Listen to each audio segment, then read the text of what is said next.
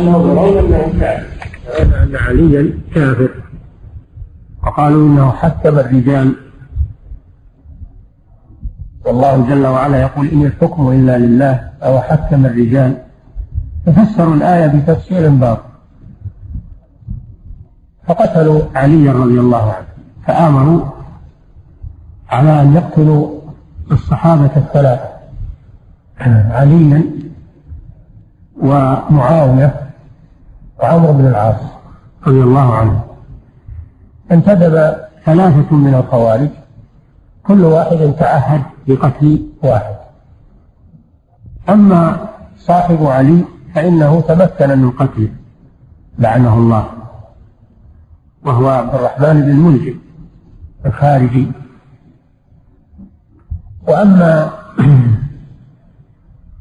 صاحب معاوية فإنه طعنه وهو يصلي يصلي بالناس لكنه طعنه في غير مقتل فنجاه الله من القتل. وأصيب بجراحة لم تضره. وأما الذي انتدب لقتل عمرو بن العاص فصادف أن عمرا رضي الله عنه لم يخرج للصلاة المسلمين في هذا في الفجر وإنما خلف خارجه بن حذافة فالخارجي قتل خارجة. قتل خارجة يظنه عمرو بن العاص. ولهذا لما تبين له ذلك قال أردت عمرا وأراد الله خارجة. فقتل الصحابي الجليل خارجة بن حذافة هؤلاء هم الخوارج. وسبب هذه الجرائم هو التأويل لأنهم تأولوا النصوص وكفروا الصحابة ورأوا أن قتلهم جائز جائز أن قتلهم جائز. بسبب تأويلهم الفاسد. أخذوا نصوصا فسروها بغير تفسيرها وظنوا أنها تدل على على كفر هؤلاء الصحابة. هذه هذه أول جناية للتأويل على الإسلام والمسلمين. قتل الصحابة. وفيهم الخليفتان الراشدان عثمان وعلي رضي الله تعالى عنهما. وهما من العشرة المبشرين بالجنة ومن السابقين الأولين إلى الإسلام. قتلهم التأويل. تأويل الباطل. وكذلك هو التأويل لا يزال إلى الآن. هو سبب ضلال من ضل من هذه الأمة ومن يضل. كل ذلك بسبب التأويل الفاسد وعدم فهم النصوص على حقيقتها وتنزيلها على غير مدلول. وكل من انحرف الآن من شباب المسلمين ونحوا منحا غريبا إنما هو بسبب فهمهم للنصوص الفهم الفاسد والتأويل الباطل. ولم يرجعوا إلى أهل العلم ولم يتعلموا ويتفقهوا وإنما تعلموا على أنفسهم أو على مثلهم من الجهال. فصاروا يفسرون النصوص بتفسيرات غريبة وتأويلات عجيبة ويعتمدون على ذلك وينفذون ما يرون من الفتنة ومن الشر. هذا كله سببه التأويل الفاسد. نعم. وهو الذي قسم الحسين وأهله فغدوا عليه بمنطق اللحمان وكذلك من جناية التأويل قتل الحسين بن علي بن أبي طالب سبط الرسول صلى الله عليه وسلم. فإن الحسين رضي الله عنه وأرضاه استدرجه استدرجه أهل العراق وزعموا أنهم سيناصرونه. فخرج رضي الله عنه إلى المدينة قاصدا العراق على موعد مع هؤلاء الذين استدرجوا فوقع في جيش عبد الله بن زياد في مكان يقال له كربلاء وخذله أهل العراق ولم ينصروه فقتل في هذا المكان رضي الله عنه ظلما وعدوانا سبب التأويل بسبب التأويل الباطل. لأنهم زينوا له الخروج على يزيد بن معاوية. زينوا له الخروج على يزيد وزعموا أنهم سينصرونه وخذلوه. فقتل رضي الله عنه بسبب هذه الخديعة وهذا التأويل الفاسد. أنه لا يجوز الخروج على ولي أمر المسلمين ولو كان فاسقا. لا يجوز هذا نعم. وهو الذي في يوم حرمهم الإيمان. كذلك من جرائم التأويل التي وقعت في الإسلام وقعت الحرة وهي المكان القريب من المدينة بسبب أن أهل المدينة أرادوا الخروج على يزيد بن معاوية ونهاهم عقلاء الصحابة كابن عمر وغيره نهوهم عن هذا وأمروهم بالتزام السمع والطاعة وذكروهم بقول الرسول صلى الله عليه وسلم بوجوب السمع والطاعة. وأن هذا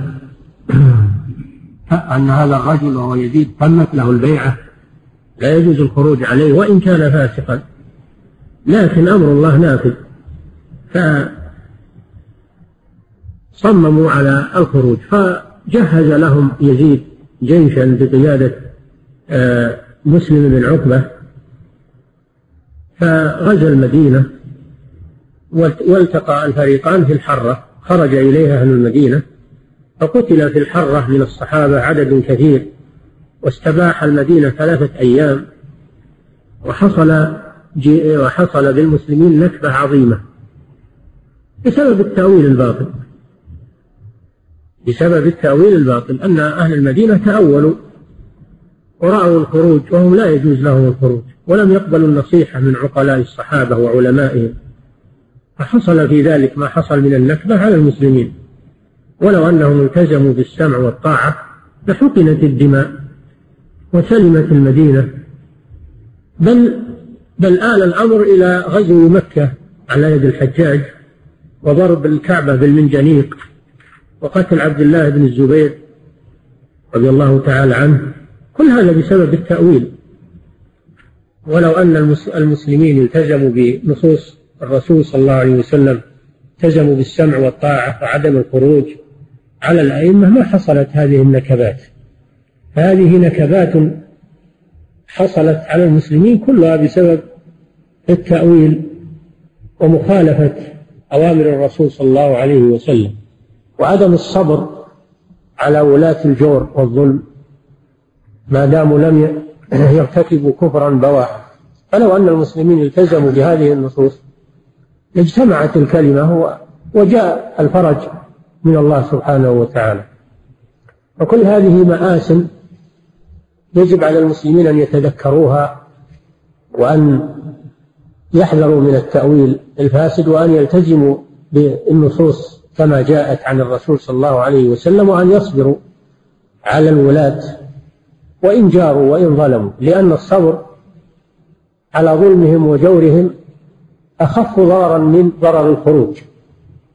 فإن الخروج يحصل به نكبات أشد من ولاية الظالم والجائر مفسدة أكثر. لا شك أن إن ولاة آه، الجور أن أن في في جورهم وظلمهم مفسدة. لا شك. لكن الخروج عليهم مفسدته أشد وهي سفك الدماء. واستباحة الأعراض والأموال تفرق الكلمة. المفسدة أكبر؟ الصبر عليهم وعلى جورهم وعلى ظلمهم. وحتى لو كانوا فسقة في أنفسهم الصبر على ذلك أخف ضررا. وهو من ارتكاب أخف الضررين بدفع أعلاهما. ومخالفة النصوص التي تأمر بالصبر وتنهى عن الخروج وشق العصا فيه المصلحة العظيمة للمسلمين. فهذا كله بسبب هذه المآسي كلها بسبب التأويل الفاسد لأن أصحابها يظنون أنهم على حق ويستدلون بأدلة ليست أدلة لهم في الحقيقة وإنما هي أدلة عليهم لكن بسبب عدم الفقه من البعض وبسبب الهوى وبسبب الهوى والكيد للإسلام من البعض الآخر تحصل النكبات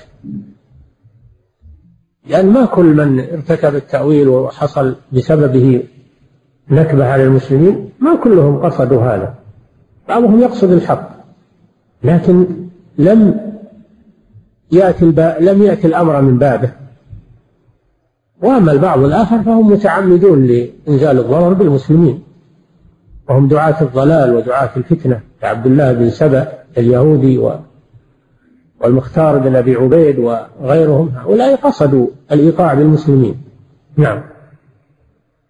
وهو الذي في يوم حرتهم أبى حكم المدينة معقل الإيمان حتى جرت تلك الدماء كأنها في يوم عيد سنة القربان. وقعت الحرة. وقعت الحرة وهي نكبة عظيمة. وذلك بسبب الخروج على يزيد بن معاوية. ولو أنهم صبروا وأخذوا بمشورة أكابر الصحابة والتزموا بقول الرسول صلى الله عليه وسلم بالصبر على أئمة الجور لما حصلت هذه الفتنة. نعم. وغدا له الحجاج يسفكها صاحب الإيمان والقرآن. وهو عبد الله بن الزبير. وقتل بسبب التأويل الفاسد. نعم. وجرى بمكة ما جرى من أجله من عسكر الحجاج بالعدوان سلط الظلمة على المسلمين إذا حصل من المسلمين مخالفة. سلط الله الظلمة عليهم تأديبا لهم. نعم. وهو الذي أنشى الخوارج مثلما أنشى الروافض أخبث الحيوان. هو الذي أنشأ الفرق كلها ومن أخبث الفرق الخوارج لأنهم يستبيحون دماء المسلمين ويقتلون أهل الإسلام ويدعون أهل الأوثان كما أخبر النبي صلى الله عليه وسلم. هؤلاء هم الخوارج. وأخبث الفرق أيضا الروافض الشيعة. الذين يزعمون أنهم يتشيعون لأهل البيت هم أخبث الفرق. والسبب في ظهورهم وخروجهم هو التأويل. نعم. ولأجله شتموا خيار القتل بعد مسرد العدوان والبهتان. لأجل التأويل الباطل شتم الخوارج والروافض وصحابة رسول الله صلى الله عليه وسلم وكفروهم وتكلموا فيهم وحشوا كتبهم من سب الصحابة والطعن عليهم وهم خيار الخلق بعد بعد الأنبياء وهم خير القرون رضي الله تعالى عنهم وأرضاهم. كل هذا بسبب التأويل الباطل. نعم. ولأجله سل البغاة سيوفهم ظنا بأنهم له إحسان ولأجل التأويل الباطل سل البغاة. والبغاة هم الذين يخرجون على ولي الأمر هؤلاء يقال لهم البغاة الذين يخرجون على ولي الأمر أو يخرجون على غيره من عامة المسلمين. فالبغي معناه التعدي البغي معناه التعدي على الناس بغير حق سواء كان على ولاة الأمور أو على أو على غيرهم. قال تعالى وإن طائفتان من المؤمنين اقتتلوا فأصلحوا بينهما. فإن بغت إحداهما على الأخرى فقاتلوا التي تبغي حتى تفيء إلى أمر الله. فإذا تقاتل فريقان من المسلمين بخلاف دب بينهم فالواجب الإصلاح. فإذا عرض الصلح فالتي تأبى من الطائفتين الصلح ولم تقبل هذه باغية. تقاتل يجب على المسلمين على إمام المسلمين وعلى المسلمين معه قتال البغاة حتى يكسروا شوكتهم وشرهم ويخضعوهم لأمر الله سبحانه وتعالى. فقاتلوا التي تبغي حتى تفيء إلى أمر الله. فإن فات فأصلحوا بينهما بالعدل وأقسطوا. إن الله يحب المقسطين. هؤلاء هم البغاة الذين يقاتلون ولي الأمر أو يقاتلون أحدا من المسلمين. نعم. ولأجله قد قال أهل الاعتزال لمقالة هدت قوى الإيمان. ولأجل التأويل الباطل نشأت نشأت المعتزلة. أتباع واصل بن عطاء الغزال. وكان من تلاميذ الحسن البصري ثم اختلف على شيخه في مسألة مرتكب الكبيرة. فالحسن البصري يقول إنه مؤمن ناقص الإيمان ولا يخرج من من الإسلام كما يقوله أهل العلم. فخالفه تلميذه واصل وقال لا ليس بمسلم. مرتكب الكبيرة لا يقال إنه مسلم ولا مؤمن ولا يقال إنه كافر بل هو بالمنزلة بين المنزلتين. فمن ثم سمي سمي هؤلاء بالمعتزلة لأنهم اعتزلوا مجلس الحسن البصري إمام التابعين رحمه الله. بسبب خلاف في مرتكب الكبيرة. ثم تطور مذهب المعتزلة. ونفوا صفات الله عز وجل. وقالوا بخلق القرآن. وصار لهم كلام باطل بسبب التأويل. فمن جناية التأويل على الإسلام مذهب المعتزلة. نعم. ولأجله قد قال أهل الاعتزال مقالة هدت قوى إيماني فإن قلت لماذا ترك الجهمية؟ راح للمعتزلة وترك الجهمية. قلنا الجهمية كفار. وليس لهم دليل. كل الفرق لها شبه لها دلائل إلا الجهمية. إنهم ليس لهم ولا شبه. فهم كفار والعياذ بالله. فلا يحسبون من من الفرق الإسلامية. نعم. ولأجله قالوا بأن كلامه سبحانه خلق من الأكوان قال المعتزلة القرآن مخلوق. وليس لله كلام. ليس لله كلام تكلم به. ونزل وإنما هو خلق خلقه الله. فسمي كلام الله لأن الله خلقه. في غيره.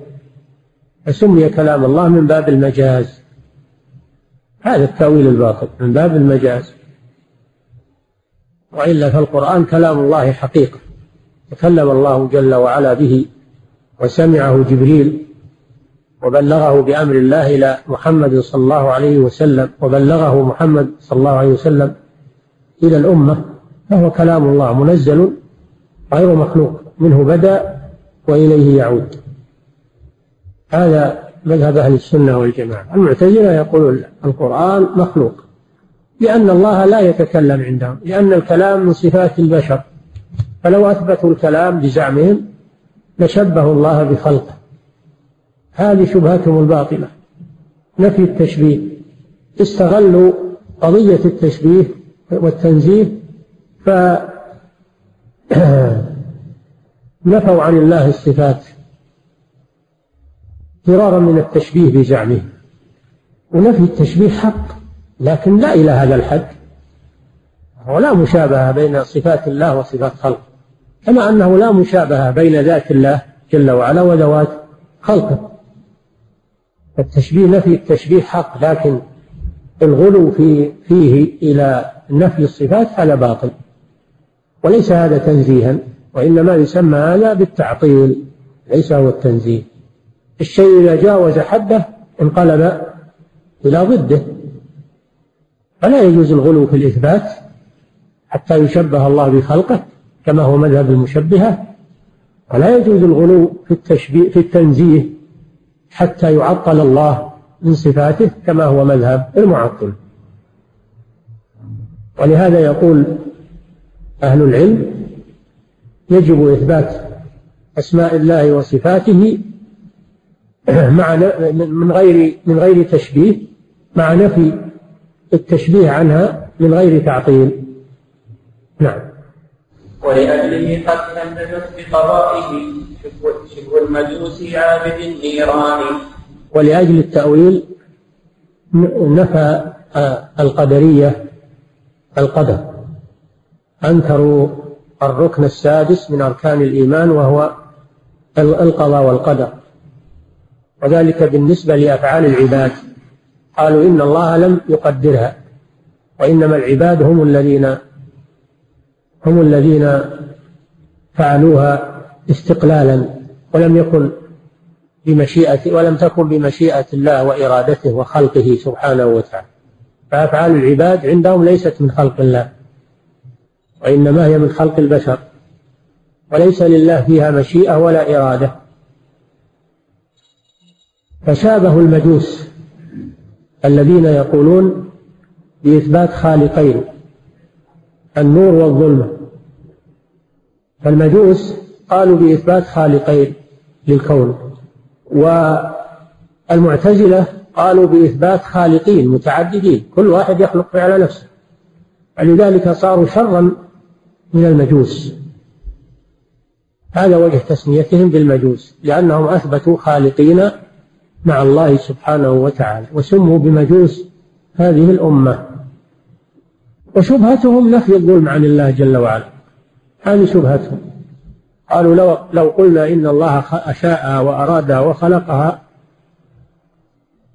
وعذبهم عليها لكان في ذلك الظلم. والله منزه عن الظلم. فنقول كلا لا يلزم هذا. الله شاءها وأرادها وخلقها لكن هم فعلوها. باختيارهم ومشيئتهم وعندهم القدرة على فعلها أو تركها فهم فعلوها بإرادتهم ومشيئتهم واختيارهم. فالثواب والعقاب إنما يتعلق بفعلهم هم وإرادتهم ومشيئتهم ولا يتعلق بقضاء الله وقدره إنما يتعلق بمشيئة الخلق وإرادتهم وفعلهم باختيارهم وإرادتهم. فلا فليس في هذا ظلم وإنما هو عدل. جزاء العاملين بأعمالهم خيرا أو شرا هذا عدل. وإلا يلزم أن يسوي الله بين أهل الإيمان وأهل الكفر. كلهم فعلوا ذلك بقضاء الله وقدره. فيلزم التسوية بين المؤمن والكافر. الله جل وعلا لا يسوي. فنجعل المسلمين كالمجرمين. ما لكم كيف تحكمون؟ فهذا هو الذي حمل المعتزلة. التأويل الباطل؟ ولو أنهم عملوا بالنصوص وجمعوا بين الأدلة ولم يضربوا بعضها ببعض لما حصل لهم هذا الضلال في ولما حصل لهم نفي القدر الذي هو الركن السادس من أركان الإيمان. فأفعال العباد هي هي بإرادة الله. وقضائه وقدره والله علم بها في الأزل وهو خلقها فيهم وهم فعلوها باختيارهم وإرادتهم ومشيئتهم. فيعذبون لا من جانب القضاء والقدر وإنما يعذبون من جانب أفعالهم وإرادتهم ومشيئتهم. نعم. ولأجله قد خلدوا أهل الكبائر في الجحيم كعابد الأوثان ولأجل التأويل الباطل خلد الخوارج والمعتزلة أصحاب الكبائر من المؤمنين في النار كما يخلد الكفار؟ كله بسبب التأويل الباطل لأنهم أخذوا جانب الوعيد وتركوا جانب الوعد والمغفرة والرحمة. إن الله لا يغفر أن يشرك به ويغفر ما دون ذلك لمن يشاء.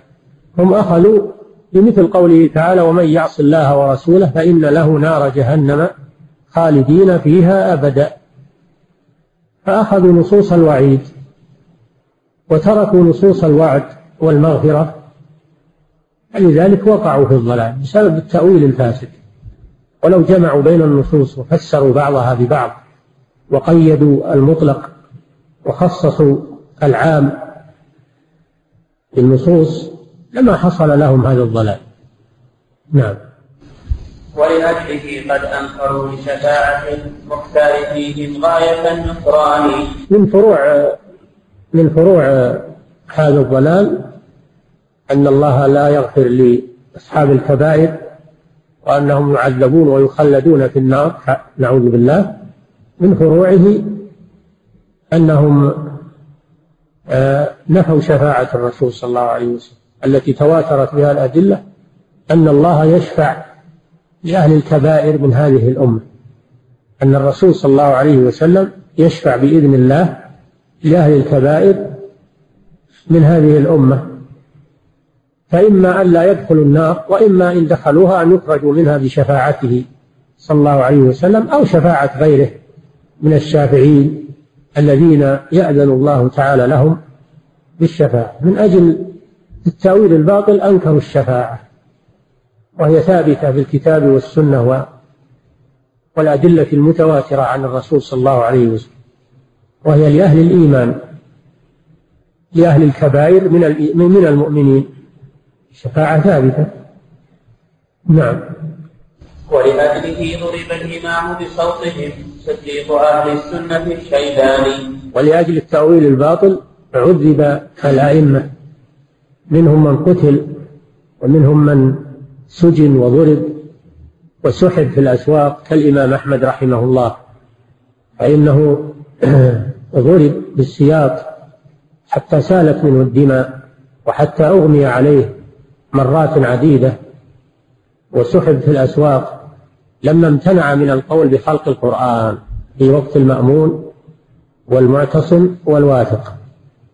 وقتل بعض الأئمة في هذه الفتنة. لما أبوا أن يقولوا بخلق القرآن قتلوا ظلما وعدوانا. هذا كله بسبب التأويل الباطل وهو مذهب المعتزلة. نعم. ولأجله قد قال جهم ليس رب العرش خارج هذه الأكوان ولأجل التأويل الباطل مشى مذهب الجهمية والجهمية كفار لأنهم ليس لهم دليل ولا شبهة على مذهبهم. فهم أضل الفرق والعياذ بالله. نفوا علو الله على عرشه وعلى مخلوقاته وقالوا إنه لا داخل العالم ولا خارجه وليس له مكان ولا جهة ولا ولا إلى آخره هذا كفر بالله عز وجل. وقال بهذه المقالة من أخذ أو تأثر بمذهب الجهمية. كالأشاعرة والمعتزلة ومن ومن نشأ أصله أصله من الخو من من الجهمية. أصل نفي العلو أو تأويله من الجهمية. نعم.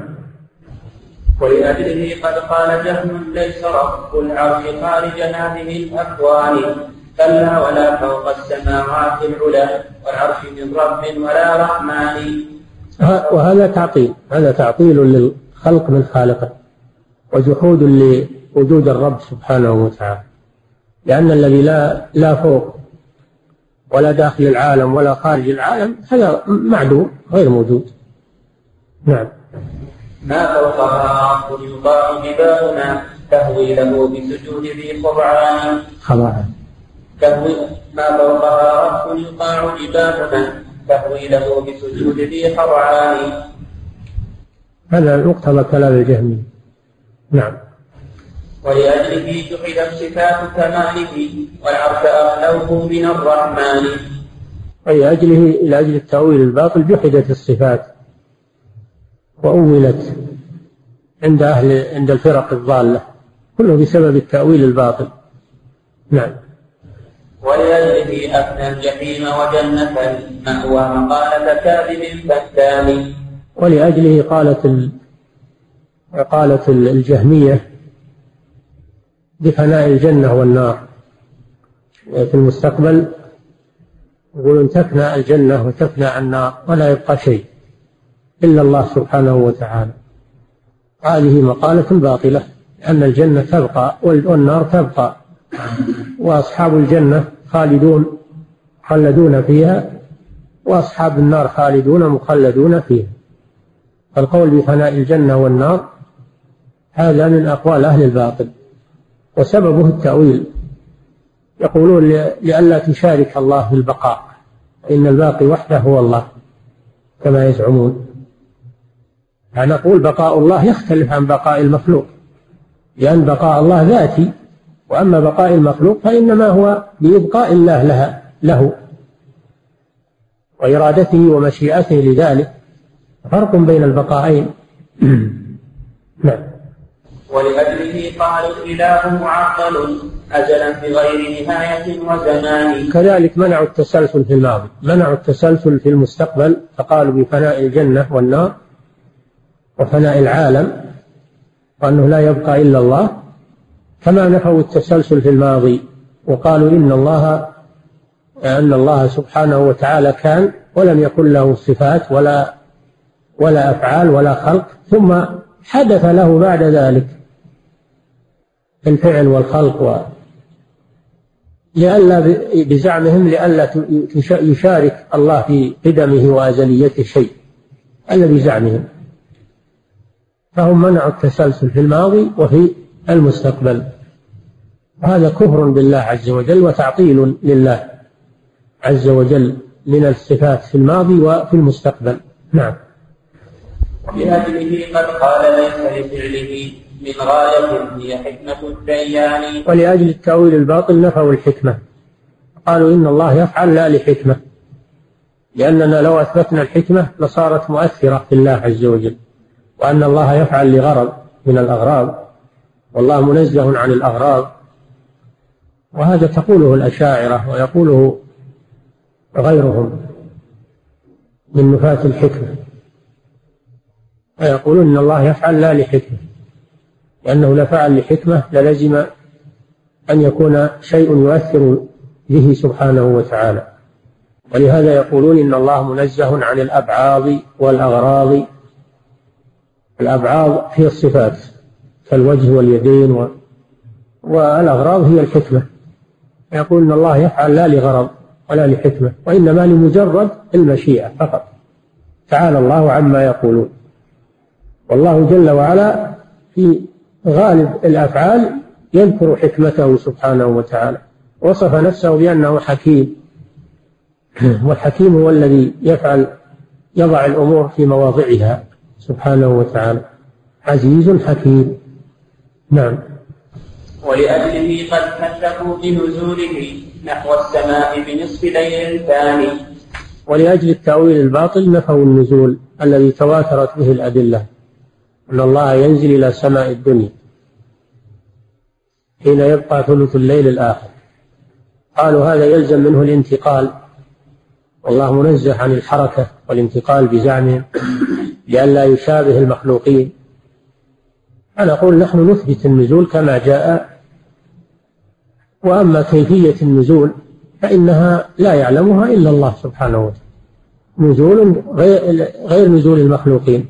لا يشبه نزول المخلوقين بل هو نزول يليق بجلاله سبحانه وتعالى. أنتم لا تفهمون إلا نزول المخلوقين. وأما أهل الحق فيقولون النزول في كل شيء بحسبه. النزول بالنسبة لله كما يليق بجلاله. لا يعلم كيفيته إلا الله جل وعلا.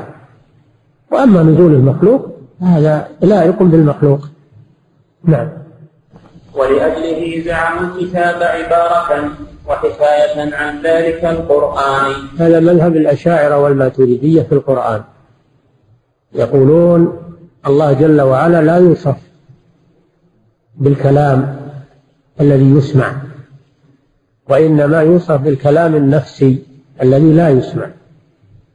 وهذا القرآن أو التوراة أو الإنجيل هذا إنما هو حكاية. عن كلام الله أو عبارة عنه حكاه عنه جبريل أو عبر عنه جبريل. فليس لله كلاما يسمع وإنما كلام الله هو المعنى القائم بنفسه سبحانه وتعالى. وهذا الموجود هذا مخلوق.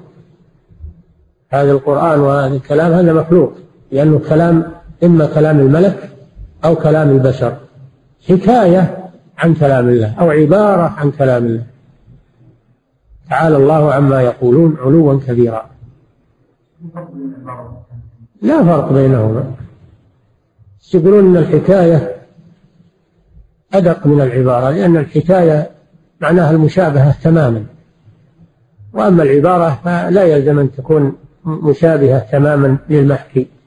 نعم. والمآل واحد. مآل هذا واحد. أن هذا القرآن الذي بين أيدينا هذا من كلام البشر. وهو عبارة أو حكاية عن كلام الله. وهل في لغة الأمم كلهم أو العجم أو العرب أو حتى المجانين أن ما في النفس يسمى كلاما؟ لا يسمى كلاما. ولا في لغة أحد ولا لغة المجانين. وإنما الكلام ما تلفظ به. كلام ما تكلم به وتلفظ به. أما ما في النفس فلا يسمى كلاما نعم. ولأجله جعلوا الكتاب عبارة وحكاية عن ذلك القرآن. ما عندنا شيء سوى المخلوق والقرآن لم يسمع من الرحمن. المعتزلة والجهمية يقولون هذا القرآن مخلوق. هذا القرآن مخلوق خلقه الله في إما في جبريل أو في محمد صلى الله عليه وسلم. وسمي كلام الله من باب المجاز. هؤلاء لا يقولون إنه مخلوق. يقولون إنه عبارة عن المعنى القائم في النفس. ولكن هذا القرآن الذي بين أيدينا هذا من كلام جبريل أو من كلام محمد فهو مخلوق. فالقرآن يجتمع فيه الصفتان أنه غير مخلوق ومخلوق غير مخلوق بمعنى أنه كلام النفسي ومخلوق بمعنى أنه من كلام البشر. فهم مترددون بين مذهب أهل السنة الذين يقولون القرآن غير مخلوق ومذهب الجهمية الذين يقولون أنه مخلوق. مترددون حائرون. الجهمية أصرح منهم. الجهمية والمعتزلة أصرح منهم. قالوا أنه مخلوق وانتهوا. لكن هؤلاء يقولون القرآن غير مخلوق أو هو مخلوق. مثل ما قال النصارى في المسيح إنه عبارة عن عن شيئين اللاهوت والناسوت مركب مركب من الرب ومن المخلوق. القرآن اجتمع فيه الأمران الخلق وغير الخلق. هذا من جنس قول النصارى قول الأشاعرة والماتريدية من جنس قول النصارى. الذين يقولون بحلول اللاهوت بالناسوت وأن عيسى مكون من الأمرين. فهم تلخبطوا. ولذلك يسمون بمخانيث المعتزلة. والمخانيث ليس معناه اللوطية كما هو في عرف العوام لا المخنث هو المتشبه بالشيء من التشبه. والكنث المشكل هو الذي ليس بذكر ولا أنثى. فالمعتزلة فالأشاعرة ليسوا من أهل السنة وليسوا من المعتزلة والخوارج. يعني فهم مثل مثل الكنثى المشكل. اللي ما يدراه ذكر ولا ولا أنثى. هذا معنى يعني أنهم مثل الخنثى المشكل. مذهبهم ما يدرى وش لا هو مذهب الجهمية والمعتزلة ولا هو مذهب أهل السنة. فهو مشتبه. ولذلك سموا بمخانيث المعتزلة يعني خنثى مشكل. نعم. وليس معناها المخانيث اللوطية لا. حاشا وكلا. نعم. ما عندنا شيء سوى المخلوق والقرآن لم يسمع من الرحمن. ماذا كلام الله قط حقيقة؟ لكن مجاز ويح ذا البهتان. ويح. ويح ذا البهتان. ويح ذي البهتان. هذا كلامه. نعم. ولأجله قتل ابن نصر أحمد ذاك الخزاعي العظيم الشان. هذا زميل الإمام أحمد رحمه الله. وهو امتنع من القول بخلق القرآن. وحمل هو والإمام أحمد إلى المأمون. وكان في المشرق. حمل إليه على بعير. عودل على بعير وحمل إليه بطلبه. وبينما هما في الطريق إليه مات. هلك المأمون. هلك المأمون. لكنه أوصى بتعذيب الإمامين أحمد ومحمد بن نصر. أوصى المعتصم بذلك. فعذبهم المعتصم وقتل محمد بن نصر. محمد بن نصر قتله والإمام أحمد عذبه وضربه بالسياط. هذا فعل وهذا بإملاء المعتزلة. هذا بإملاء المعتزلة لأنهم أثروا على المأمون وأثروا على على أخيه المعتصم وابنه الواثق.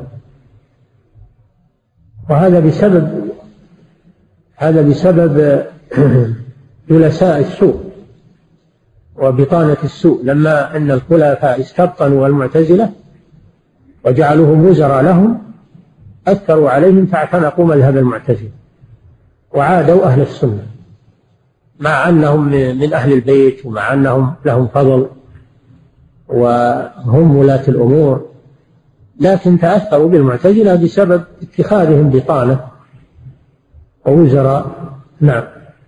ولأجله قتل ابن نصر أحمد ذاك الخزاعي العظيم الثاني إذ قال ذا القرآن نفس كلامه ما ذاك مخلوق من الأكوان؟ يعني مثل الإمام أحمد رحمه الله التزم بقول الحق فقتل من أجل ذلك شهيدا رحمه الله. بسبب التأويل الباطل. استباحة قتل هذا الإمام الحبر هو بسبب التأويل الباطل. نعم.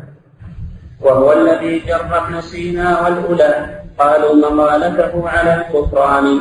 وهو الذي جرأ ابن سينا علي بن سينا اللي يسمونه الرئيس. وكان من الباطنية من الإسماعيلية. وأبوه كان يهوديا. أبو ابن سينا كان يهوديا. وكان مشتهرا بالطب. أو مسلم له في الطب مسلم له. وكذلك اشتهر بالفلسفة.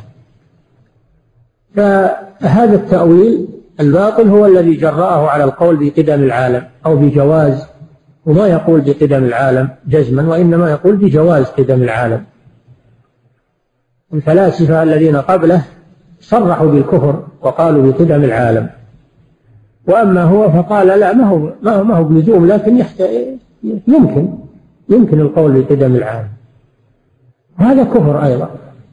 الواجب أن الإنسان يعتقد أن الله هو القديم الأزلي الذي ليس قبله شيء.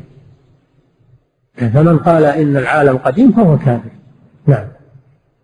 أو قال إنه يجوز أن يجوز القول بقدم العالم فهو كافر أيضا. نعم. وهو الذي وهو الذي جر ابن سي جر؟ جر ابن جره جر يعني من الجر. وهو الذي جر ابن سينا والأولى. قالوا مقالته على الكفران. إلى إلى الظاهر أنه إلى الكفران. جرهم إلى الكفران. عندك على ما هي على إلى. الأولى يعني الذين الأولى بمعنى الذين قالوا مقالته. من الفلاسفة. نعم. وهو الذي جر ابن سينا والأولى. قالوا مقالته إلى الكفران. فتأولوا خلق السماوات العلى وحدوثها بحقيقة الإمكان. حقيقة الإمكان. يعني يقولون يمكن القول بقدم العالم. خالفوا الفلاسفة لأن الفلاسفة قبلهم يقولون يصرحون بقدم العالم. أما هؤلاء قالوا يمكن. وإنما قالوا يمكن هذا من باب المخادعة للمسلمين. من باب المخادعة للمسلمين لأن ابن سينا يدعي الإسلام فأراد أن يجمع بين الإسلام وبين الفلسفة. فجاء بهذه الكلمة يمكن. جاء بكلمة يمكن. هذه مخادعة للمسلمين. نعم. فتأولوا خلق السماوات العلى وحدوثها بحقيقة الإمكان. وتأولوا علم الإله وقوله وصفاته بالسلب والبطلان نعم. نفوا نفوا الصفات عن الله جل وعلا. السلب يعني النفي. السلب معناه النفي. اعتمدوا في الصفات على النفي. يصفون الله بالصفات السلبية. لا داخل ولا خارج ولا فوق ولا تحت ولا يمنع ولا إلى كل وصفهم لله النفي لا. تركبت حتى تعود بسيطة الأركان. تأول البعث لأنه ليس معناه إن الله يحيي الموتى ويعيدهم كما كانوا في الدار الآخرة بعد النفخ النفخ بعد قيام الساعة والنفخ الصور كما دلت عليه الكتب السماوية. بل يقولون انها تتغير يعني بعثها يعني تغيرها من حال إلى حال. ولهذا عندهم يجوز تنتقل الروح من شخص إلى شخص آخر. تنتقل حتى من الإنسان إلى الكلب وإلى الخنزير والى تحل في بدن آخر. هذا هو البعث عندهم.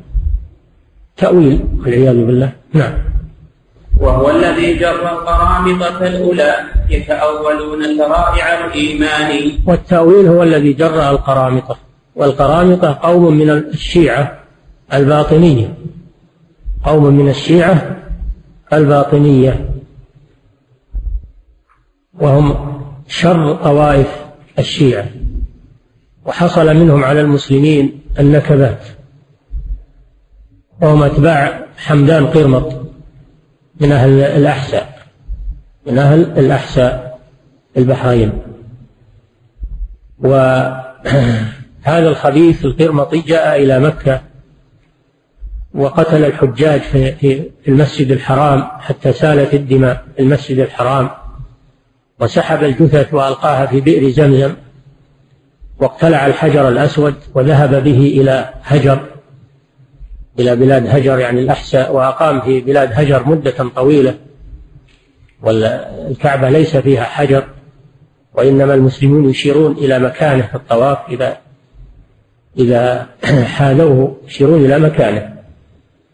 ولهذا لما صنف الخرقي مختصرة وكان في زمن فقد الحجر وجاء على ذكر الطواف قال وإذا حال مكان الحجر يشير إليه أنه في وقت غير موجود. ثم رده الله بعد ذلك إلى مكانه. هذا هؤلاء هم القرامطة وسبب ضلالهم وكفرهم وإلحادهم هو التأويل. ينتسبون إلى الإسلام لكن يفسرون النصوص بتفسيرات باطلة. يفسرون الصلاة بأنها الدعاء والصيام بأنه كتم الأسرار والحج بأنه قصد المشاهد. فمن ذهب إلى أي مشهد وأي قبر فقد حج عندهم وهكذا تأويلات القرامطة مشهورة. نعم. فتأول العملية مثل تأول العلم عندكم بلا فرقان. كيف على القرامطة النكبات التي حصلت بسبب وهو صرف النصوص عن مدلولها. هذا هو اللي جر أهل الضلال والفرق. نعم. بسم الله الرحمن الرحيم. الحمد لله رب العالمين اللهم صل على نبينا محمد وعلى اله واصحابه اجمعين قال المؤلف رحمه الله تعالى وهو الذي جمع قرامطة الهدى يتأولون شرائع الإيمان فتأول العملية مثل تأول العلم عندهم بلا فرقان بسم الله الرحمن الرحيم يذكر الناظم رحمه الله مفاسد التأويل. فيقول إن التأويل جرأ طوائف الضلال على نصوص الإسلام من القرآن والسنة فأولوها على أهوائهم وضلوا بذلك وأضلوا الناس. ومن, ومن هذه الفرق وأشدها خطرا القرامطة وهم من غلاة الشيعة. سموا بالقرامطة نسبة إلى حمدان قرمط زعيمهم. وهؤلاء صار لهم صولة وفتكوا بالمسلمين حتى وصلوا إلى مكة وقتلوا الحجاج في وسط الحرم وبجوار الكعبة. وابتلعوا الحجر الأسود وحملوه إلى إلى بلادهم هجر الأحساء. وهم يؤولون النصوص على غير مراد الله منها يحملونها على تفاسير باطلة يفسرونها بحسب أهوائهم.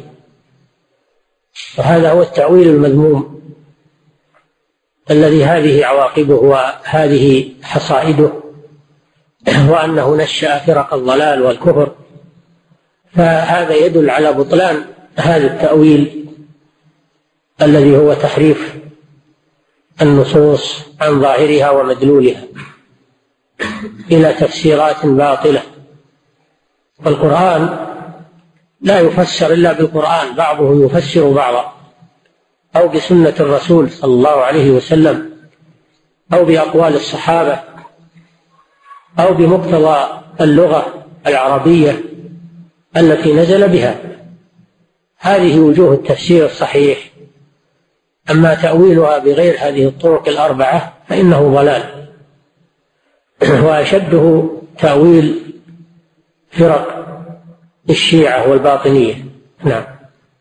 وهو الذي جر النصير وحزبه حتى أتوا بعساكر الكفران. وكذلك هذا التأويل الباطل هو الذي جر نصير الدين الطوسي الشيعي. هو أيضا من الباطنية. وكان وزيرا كان وزيرا للخليفة العباسي آخر خلفاء بني العباس. فهذا الخبيث كاتب التتار المشرق والتتار بدو المشرق. تتار بدو المشرق. وكانوا أشد وكانوا كفرة ملاحدة أهل حنق على المسلمين فكاتبهم هذا الخبيث هذا الشيعي كاتبهم وزين لهم غزو المسلمين فغزوا بلاد العراق وداهموا بغداد قتلوا الخليفة وقتلوا العلماء وأخذوا الكتب وطرحوها في نهر دجلة. كتب المسلمين أخذوها وطرحوها في نهر دجلة حتى تغير الماء من من مداد هذه الكتب. وزحفوا على الشام وعلى مصر. وذاق المسلمون منهم بلاء عظيما. هو بسبب التأويل الباطني الذي هو مذهب نصير الدين. هو في الحقيقة نصير الكفر الطوسي وابن العلقمي الشيعي. نعم. وهو الذي جر النصير وحزبه حتى أتوا بعساكر الكفران فجرى على الإسلام أعظم منة وخمارها فينا إلى ذا الآن. خمارها يعني آثارها السيئة فينا معشر المسلمين إلى ذا الآن يعني وقت الإمام ابن القيم. فإنهم لا يزالون في ذاك الوقت لهم بقايا وشر. وقت شيخ الإسلام ابن تيمية وتلاميذه. نعم. وجميع ما في الكون من بدع وأحداث تخالف موجب القرآن.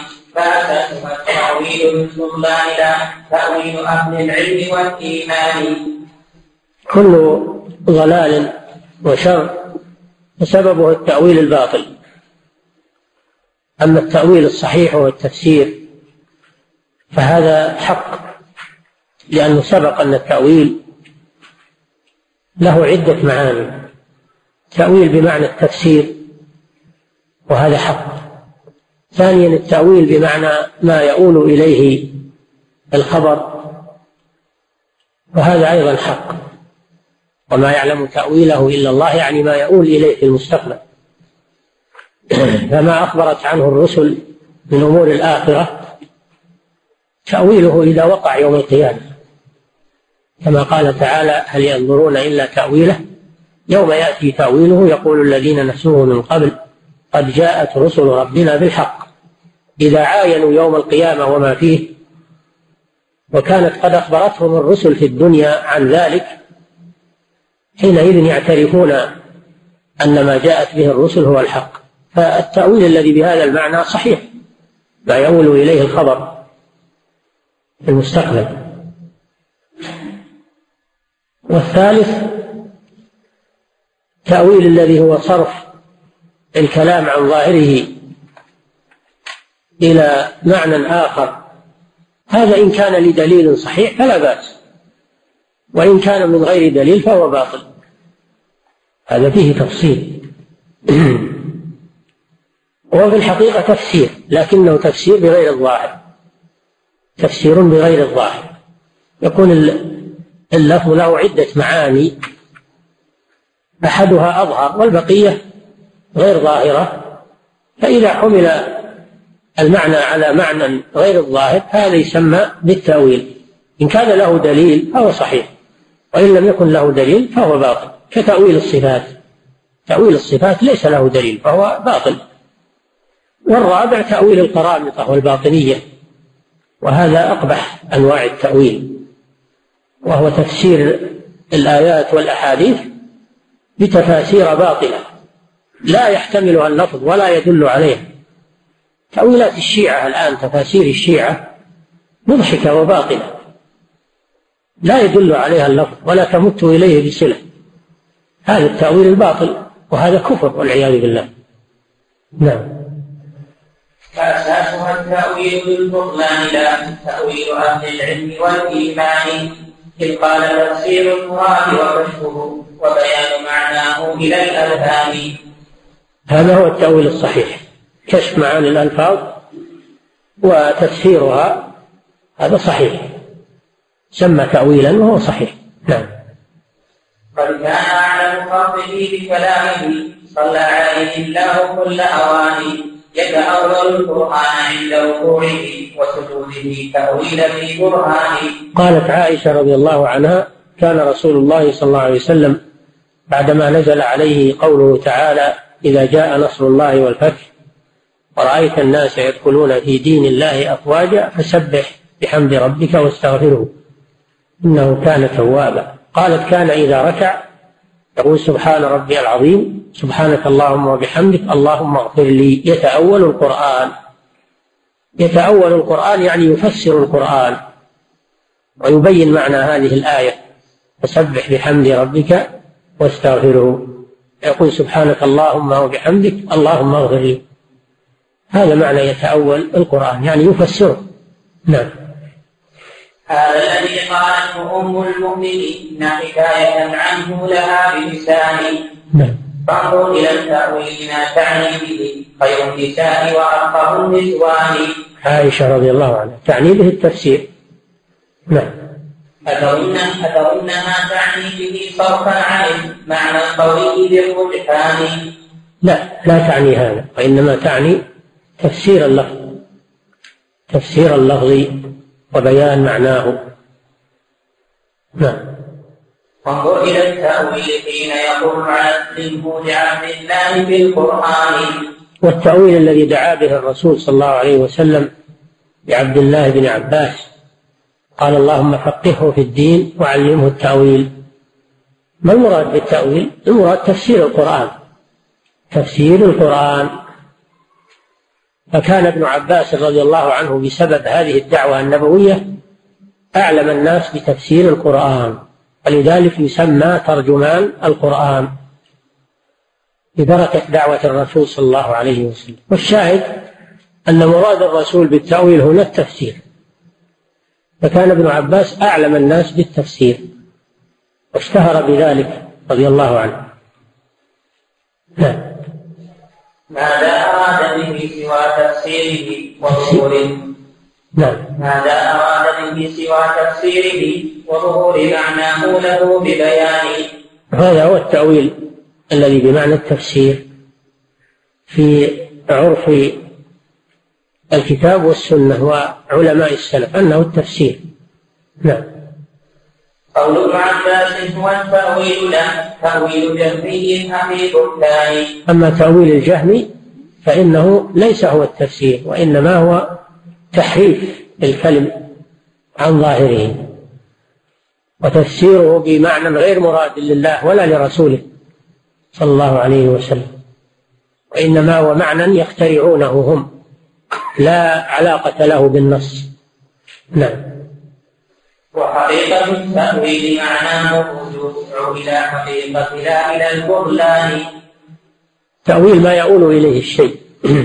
يعني يرجع إليه. والأول هو الرجوع.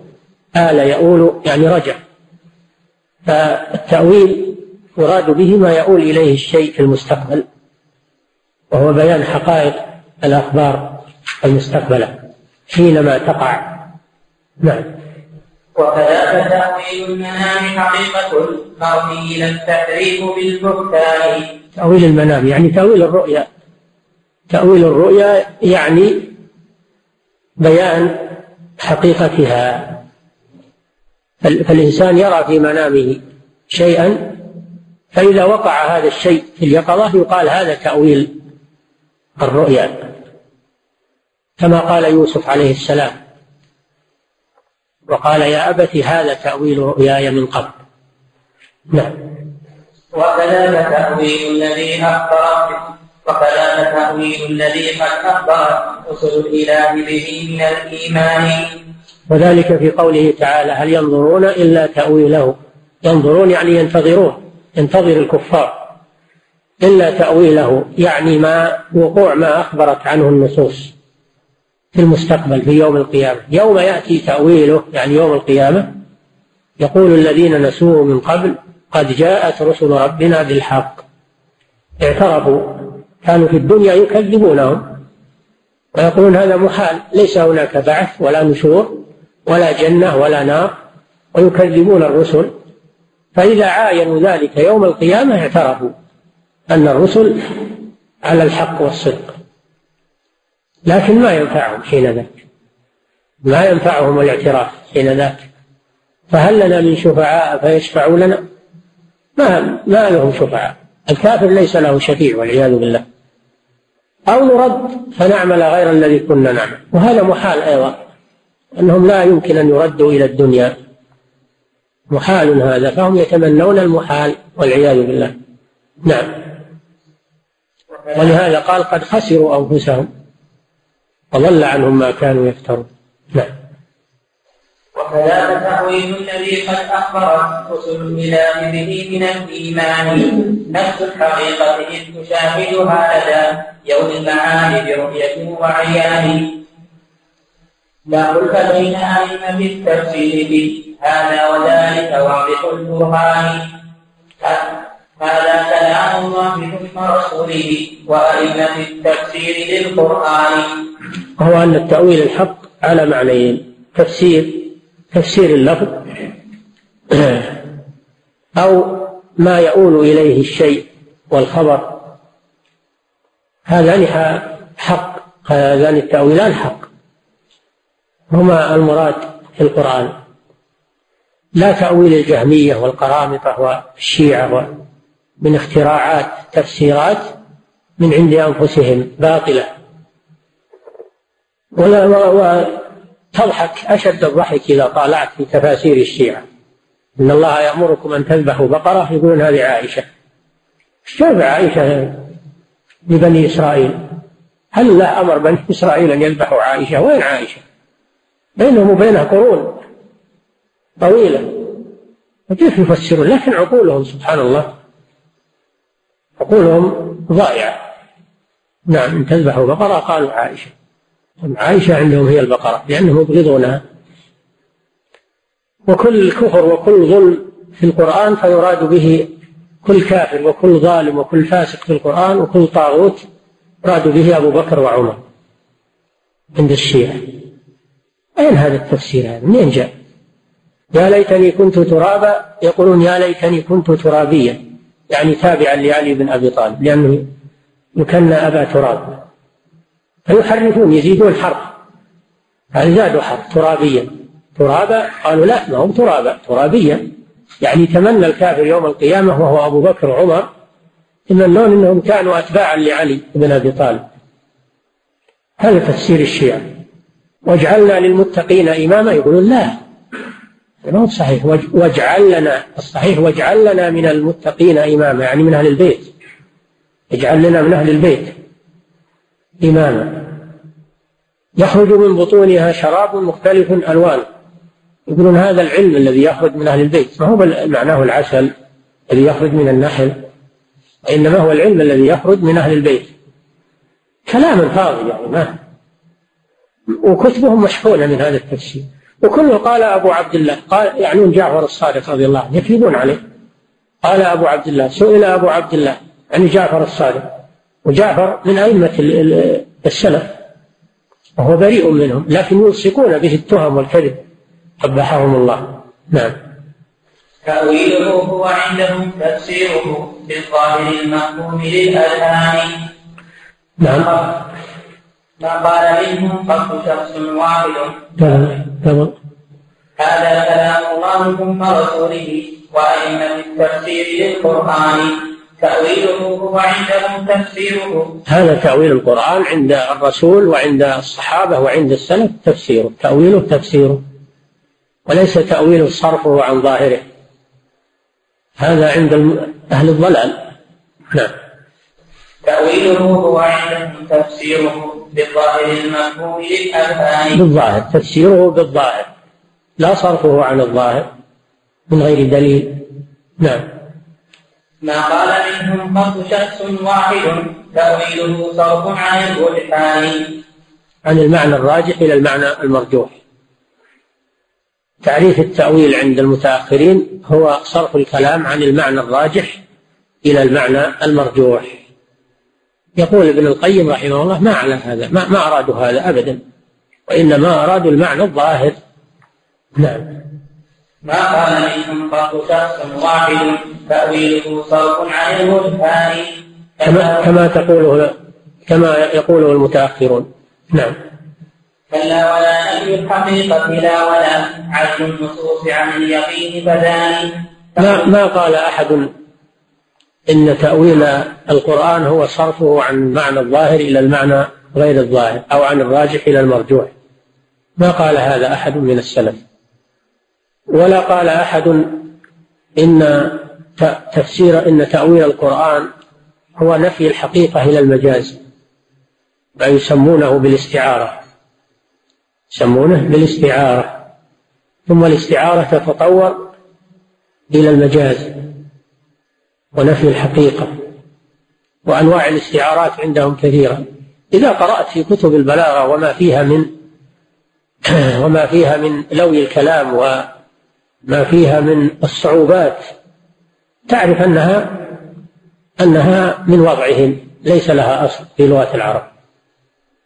اللي يسمونه علم البيان وعلم البديع أكثره تخرصات وأكثره إنما هو من أفكارهم وليس هو من لغة العرب التي نزل بها القرآن. نعم. ما قال منهم قصد شخص واحد تأويله صرف عن الركان وهذا ما يسمونه بالمجاز. كلا ولا نفي الحقيقة لا ولا. وهذا ما يسمونه بالاستعارة نفي الحقيقة. نعم. كلا ولا نفي الحقيقة لا ولا. عدل النصوص عن اليقين فذلك وكذلك عزل النصوص عن اليقين ويقولون تفيد الظن. نصوص القرآن والنصوص الوحي لا تفيد اليقين. وإنما تفيد الظن وإنما الذي يفيد اليقين هو القواعد المنطقية عندهم. القواعد المنطقية عندهم هي التي تفيد اليقين. وأما نصوص القرآن والسنة هذه إنما تفيد الظن في زعمه نعم. وذلك تأويل أهل الباطل المردود عند أئمة العرفان والإيمان. نعم. وهو الذي لا شك في بطلانه والله يقضي فيه بالبطلان. لو كان ما يقولونه حقا لكان القرآن كله للتعمية وللأحاجي والألغاز.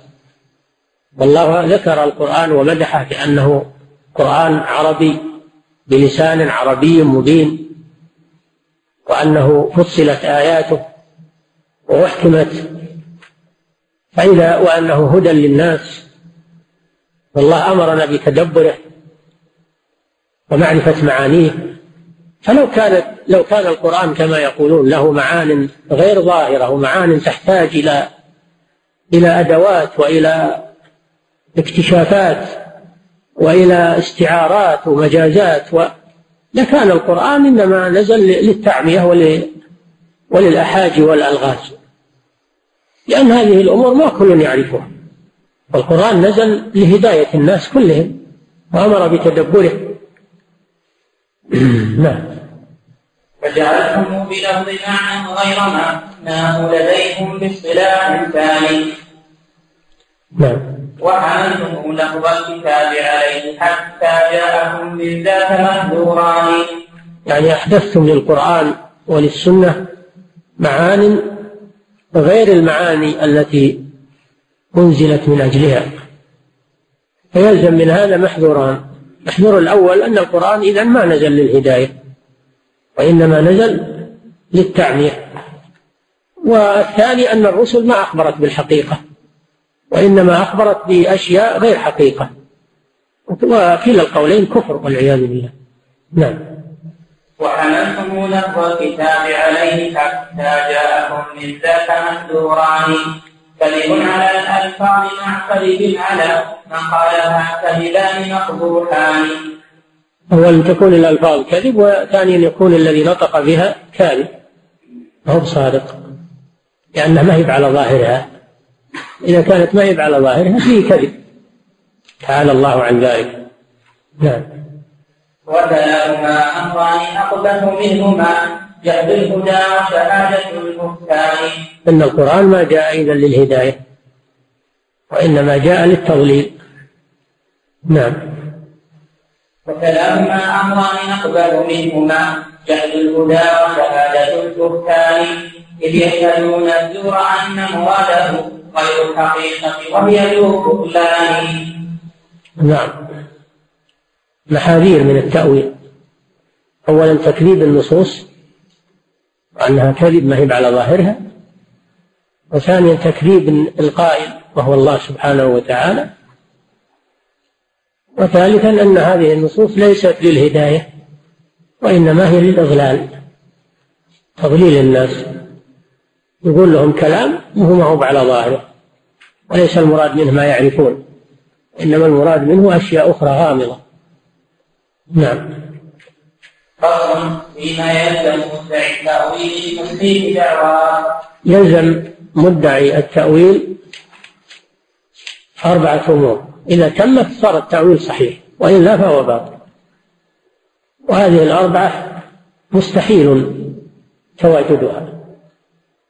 أولا الدليل على أن هذا النص ليس على ظاهره وش الدليل؟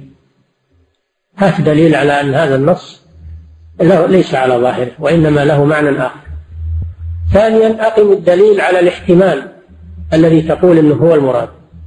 أقم الدليل عليه الذي صرفت اللفظ إليه. ثالثا أقم الدليل على أن المتكلم أراد هذا المعنى الذي تقول. ولماذا لا يكون أراد غيره؟ إذا صار اللفظ محتمل لعدة معاني وان تقول إنه يريد هذا المعنى فما الدليل على هذا التحديد؟ لا يكون أراد غيره أو يكون أيضا أمر تعبدي. من بعض النصوص تعبدية لا يعرف حكمتها وعلتها. فما يؤمنك من هذا؟ من أنه تعبدية. هذه أمور ثلاثة. والأمر الرابع يأتي في الفصل الذي بعده. نعم. وعليكم فينا وظائف أربع. والله ليس لكم بهن يدان. قوة يعني. ليس لكم بهن الأربع يدان يعني قوة. فاليد تطلق ويراد بها القوة أحيانا.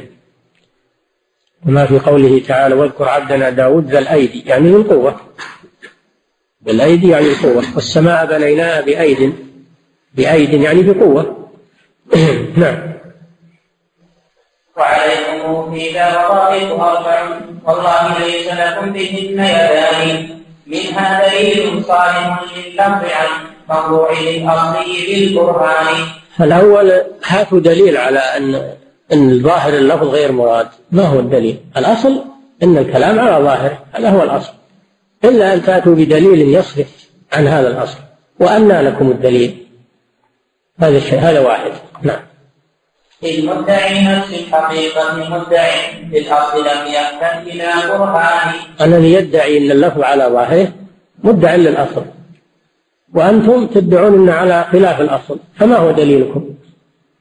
أما اللي يقول أن الكلام على ظاهر هذا ما يطالب بالدليل لأنه هو الأصل. دليله أن هذا هو الأصل لكن أنتم اللي تطالبون بالدليل. نعم. فإذا استقام دليل الصرفية هيهات أولدتم بأمر ثاني إذا جئتم بالدليل على على صرف اللفظ عن ظاهره الدليل على ذلك وهذا بعيد جدا طولبتم بشيء آخر بعد. نعم. وهو احتمال اللفظ المعنى الذي قلت هو المقصود بالتبيان. آه، دليل الأمر الثاني يطالبون بالدليل على الاحتمال الذي قالوه. ما ما ما يكفي يقولون مراد به كذا وكذا. ما هو الدليل؟ ما دمتم ادعوتم خلاف الظاهر فلا بد من دليل. نعم. فإذا أتيتم لا تقولتم بأمر ثالث من بعد هذا الثاني.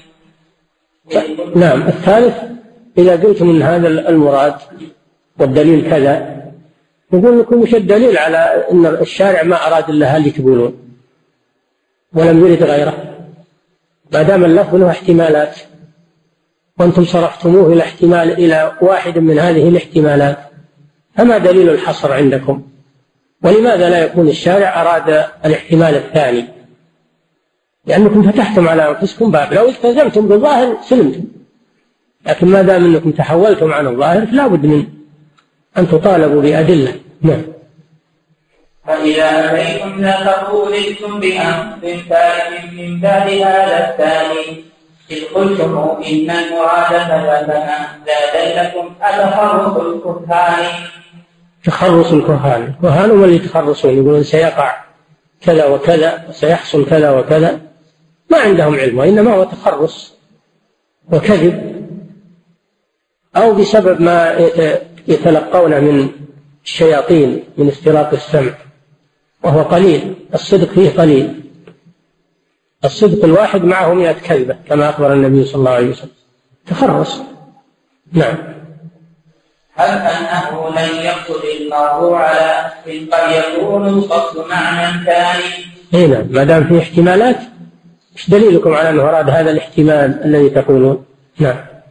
هل أنه لم يقصد المرء على قد يكون القصد معنى ثاني غير الذي عينتموه وقد يكون اللفظ مقصودا بدون معاني. قد يكون اللفظ ليس له معنى مع معقولا ولا معلوما وإنما هو تعبدي. تعبدي والتعبد هو الذي لا يعقل معناه ولا يعرف له حكمة. لم تظهر لنا وفي حكمة لكن لم تظهر لنا. مثل ما قالوا في وجوب غسل اليدين للقائم من نوم الليل. بعض العلماء يقول هذا تعبدي ما نعرف وش السبب. ما نعرف وش السبب. نعم. كتعبد وتلاوة ويقول ذاك القصد أنفع وهو إمكان ممكن هذا. فيه فيه نصوص كثيرة لم يظهر للعلماء معناها يسمونها التعبدي نعم. كتعبد وتلاوة ويكون ذاك القصد أنفع ذو إمكان من قصد تكيف لها يسمى بتأويل مع الإتعاب للأذهان. والله ما القصدان في حد سواء في حكمة المتكلم المنان. بل حكمة الرحمن تبطل قصده تحريف حاشا حكمة الرحمن. وكذا تبطل قصده إن زالها من غير معنى واضح التبيان. وهما طريقا فرقتين كلاهما عن مقصد القرآن منحرفان.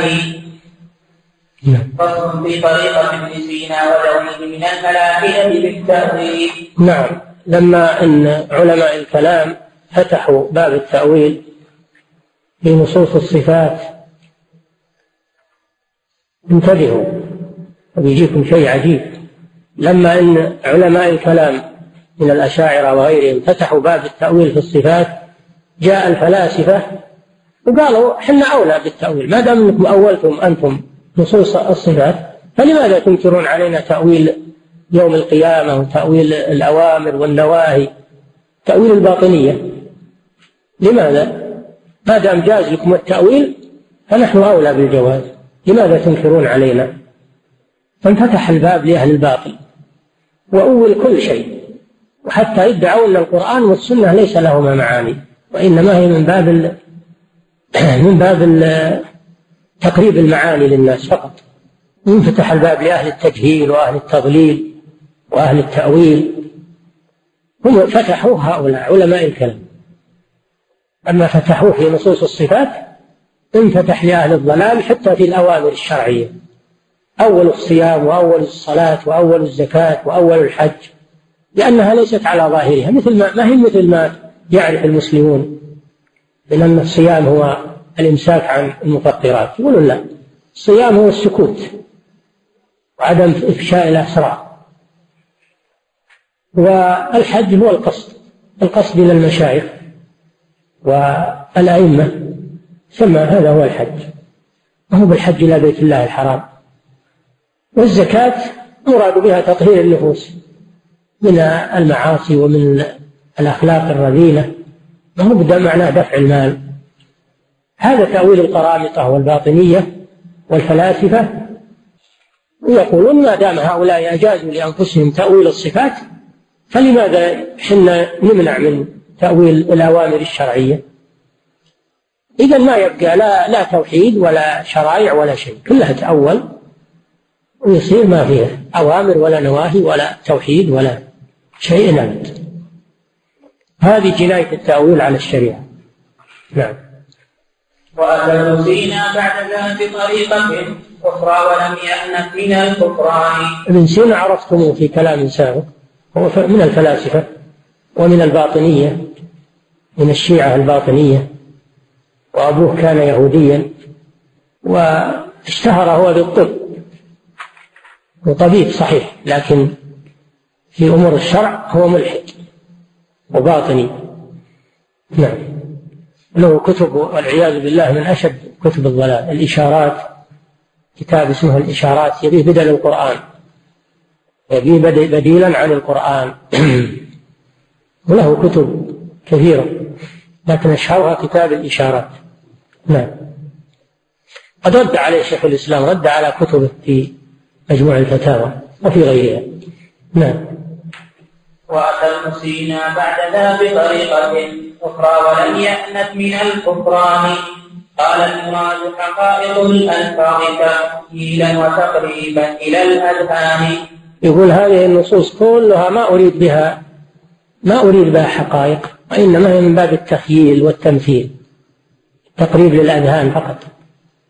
لأن الناس ألفوا أشياء فالرسل جاءتهم بما ألفوا وإلا الحقيقة ما هي ما هي ما أخبروا عنه. نعم. عجزت عن الهجرة للمعقول إلا في مثال كالصبيان فيبرز المعقول في صور من المحسوس مقبولا للأذهان. فتسلط التأويل إذ فتسلط التأويل إبطال لهذا الأصل وهو جناية بالجاني هذا الذي قد قاله مع نفيه لحقائق الألفاظ في الأذهان. وطريقة التأويل وطريقة التأويل أيضا قد غدت مشتقة من هذه الخلجان. تأويل لما فتحه علماء الكلام في الصفات استخدمه الملاحدة للأوامر الشرعية وأمور الآخرة. قالوا ما هي بحقائق وإنما هي من باب التخييل والتمثيل فقط. وليست هي حقائق تقع أو هي عبادات كما تعرفون صلاة وصيام وحج وزكاة كما يظهر لكم. هذه ألفاظ يراد بها معاني أنتم لا تعرفونها. ولكن هذه الألفاظ إنما هي من باب التمثيل والتقريب لأذهانكم فقط. نعم. وكلاهما اتفقا على أن الحقيقة منتف مرهونها ببيان. كلاهما للي علماء الكلام في الصفات قالوا ما حقائقها ما هي صحيحة ولا هي مرادة وليس لله صفات. وعلماء الباطل قالوا أمور الآخرة وأمور الشرائع هذه ليست حقائق ولا تدل على حقائق. وإنما هي ألفاظ ليس لها حقائق. يراد بها التمثيل فقط. نعم. لكن قد اختلف عند فريقكم ما إن أريد الفقر بالتبيان. لكن عندهم أريد ثبوتها لكن عندهم أريد ثبوتها في الذهن إذ علمت من الإحسان.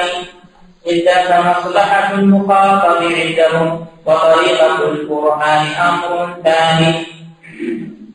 يقولون إن الجنة ليس المراد إن هناك جنة وأنهار وأشجار وثمار حقيقة وإنما من باب الترغيب فقط. ترغيب الناس في الأخلاق الطيبة والمعاملات الطيبة ولا ما هناك جنة حقيقية؟ هذا تأويل الباطنية. النار يقولون ما هناك نار محترقه وتحرق وتأكل الناس وإنما هذا من باب التخويف فقط. علشان الناس يكفون عن الرذائل وعن السرقة وعن الأخلاق المذمومة. فهو تهديد فقط. هذا الكلام الباطني. فهو يشبه كلام علماء الكلام في نفي الأسماء والصفات. بل, بل, بل إن تأويل علماء الكلام أشد لأنه يتعلق بالتوحيد. نعم. فكلاهما ارتكب أشد جناية بنيت على القرآن والإيمان. إذ بعد هذا التأويل الباطل ما يبقى للقرآن حقيقة ولا للسنة حقيقة. وإنما هي ألفاظ مجردة. نعم. جعلوا النصوص لأهلها غرضا لهم قد خرقوه بأفهم الهذيان وتسلم الأوغال والأوقاف والأردان بالتحريف والبهتان والمسؤولية كلها على علماء الكلام الذين فتحوا هذا المجال في نصوص الصفات. قالوا ما دام جزتموه في نصوص الصفات وأنها ليست حقيقة فما الذي يمنعه في بقية النصوص؟ نعم. كل إذا قابلته بالنص قابله بتأويل بلا برهان. يصير ما للنصوص حجة. إذا احتجيت على بالنصوص قالوا هذه ما هي على على حقيقتها ولا هي على ظاهرها. فبذلك تعطل عطل القرآن وعطل السنة عن الاستدلال والعمل. كله بسبب التأويل الباطل. نعم. ويقول تأويلي كتأويل الذي نتأول فوقية الرحمن. يقول الباطني وش الفرق بين تأويلي في الجنة والنار والصلاة والزكاة والحج والأوامر الشرعية؟ وش الفرق بينه وبين تأويل الذي ينفي العلو وينفي الاستواء وينفي النزول وينفي الرؤية؟ وش الفرق بين تأويلي وتأويله إذا كان تأويله سائغا فتأويلي سائغ. نعم. ويقول تأويلي كتأويل الذي نتأول فوقية